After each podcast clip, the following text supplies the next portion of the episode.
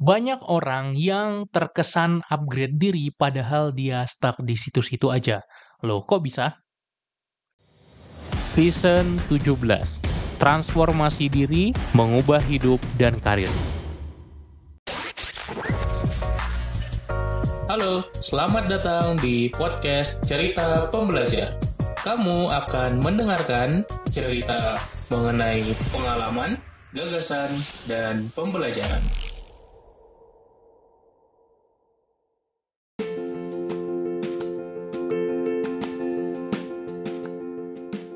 Di webinar gue sebelumnya, gue membahas tentang self-transformation.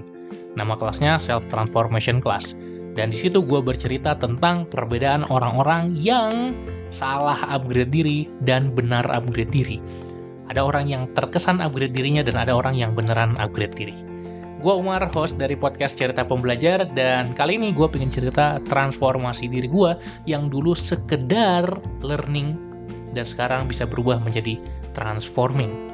Learning itu artinya belajar, jadi orang yang terkesan upgrade diri adalah orang yang banyak belajar saja. Membaca banyak buku pengembangan diri. Ada buku yang populer Atomic Habits, Seni Bersikap Bodoh Amat, Filosofi Teras, Yuduyu, langsung dibeli aja karena banyak yang baca. Padahal belum tentu dia membutuhkan buku tersebut.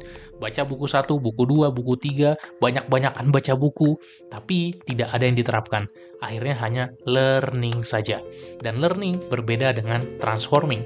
Learning itu belajar, transforming itu berubah. Saat kita learning, maka kita mengumpulkan informasi. Dan kalau kita learning, kita bisa forgetting.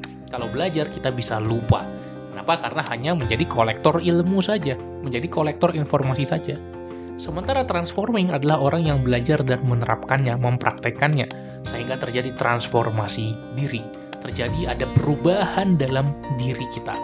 Perubahannya biasanya ada dua, perubahan mindset atau hardware diri kita, dan perubahan habit atau software diri kita. Kita perlu mengganti, mengupgrade, mengupdate mindset, pola pikir kita, pattern dalam perilaku kita, dan juga habit atau kebiasaan kita konsistensi dibentuk dari kebiasaan.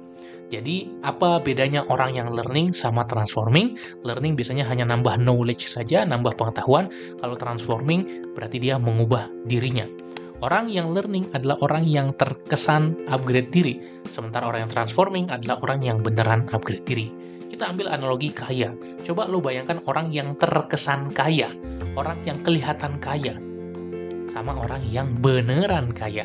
Orang yang bukan kelihatan saja tapi beneran punya kekayaan. Kira-kira sama atau beda?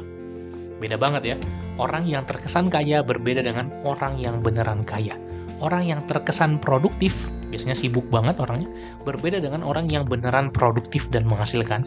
Orang yang terkesan upgrade diri pun berbeda dengan orang yang beneran upgrade diri. Maka coba tanyakan ke diri lo sendiri, apakah lo banyaknya learning atau transforming?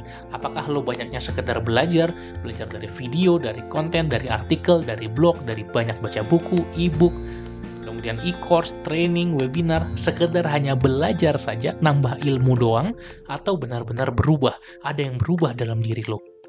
Lo yang tahu itu. Jadi kalau misalnya lo emang seneng baca buku, goalnya bukan seberapa banyak buku yang berhasil lo baca, tapi berapa banyak buku yang berhasil lo praktekin, yang berhasil lo implementasiin, yang berhasil lo terapkan dan mengubah hidup lo.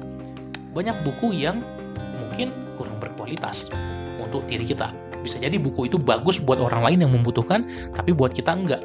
Maka cek ke diri, cek ke diri sendiri, apakah gue butuh baca buku ini? Apakah gue butuh ikut e-course ini?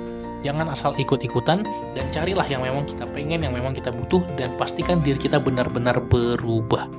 Perbedaan antara learning dengan transform itu simple. Apakah lo praktekin atau enggak? Apakah lo terapin atau enggak? Implementasiin atau enggak?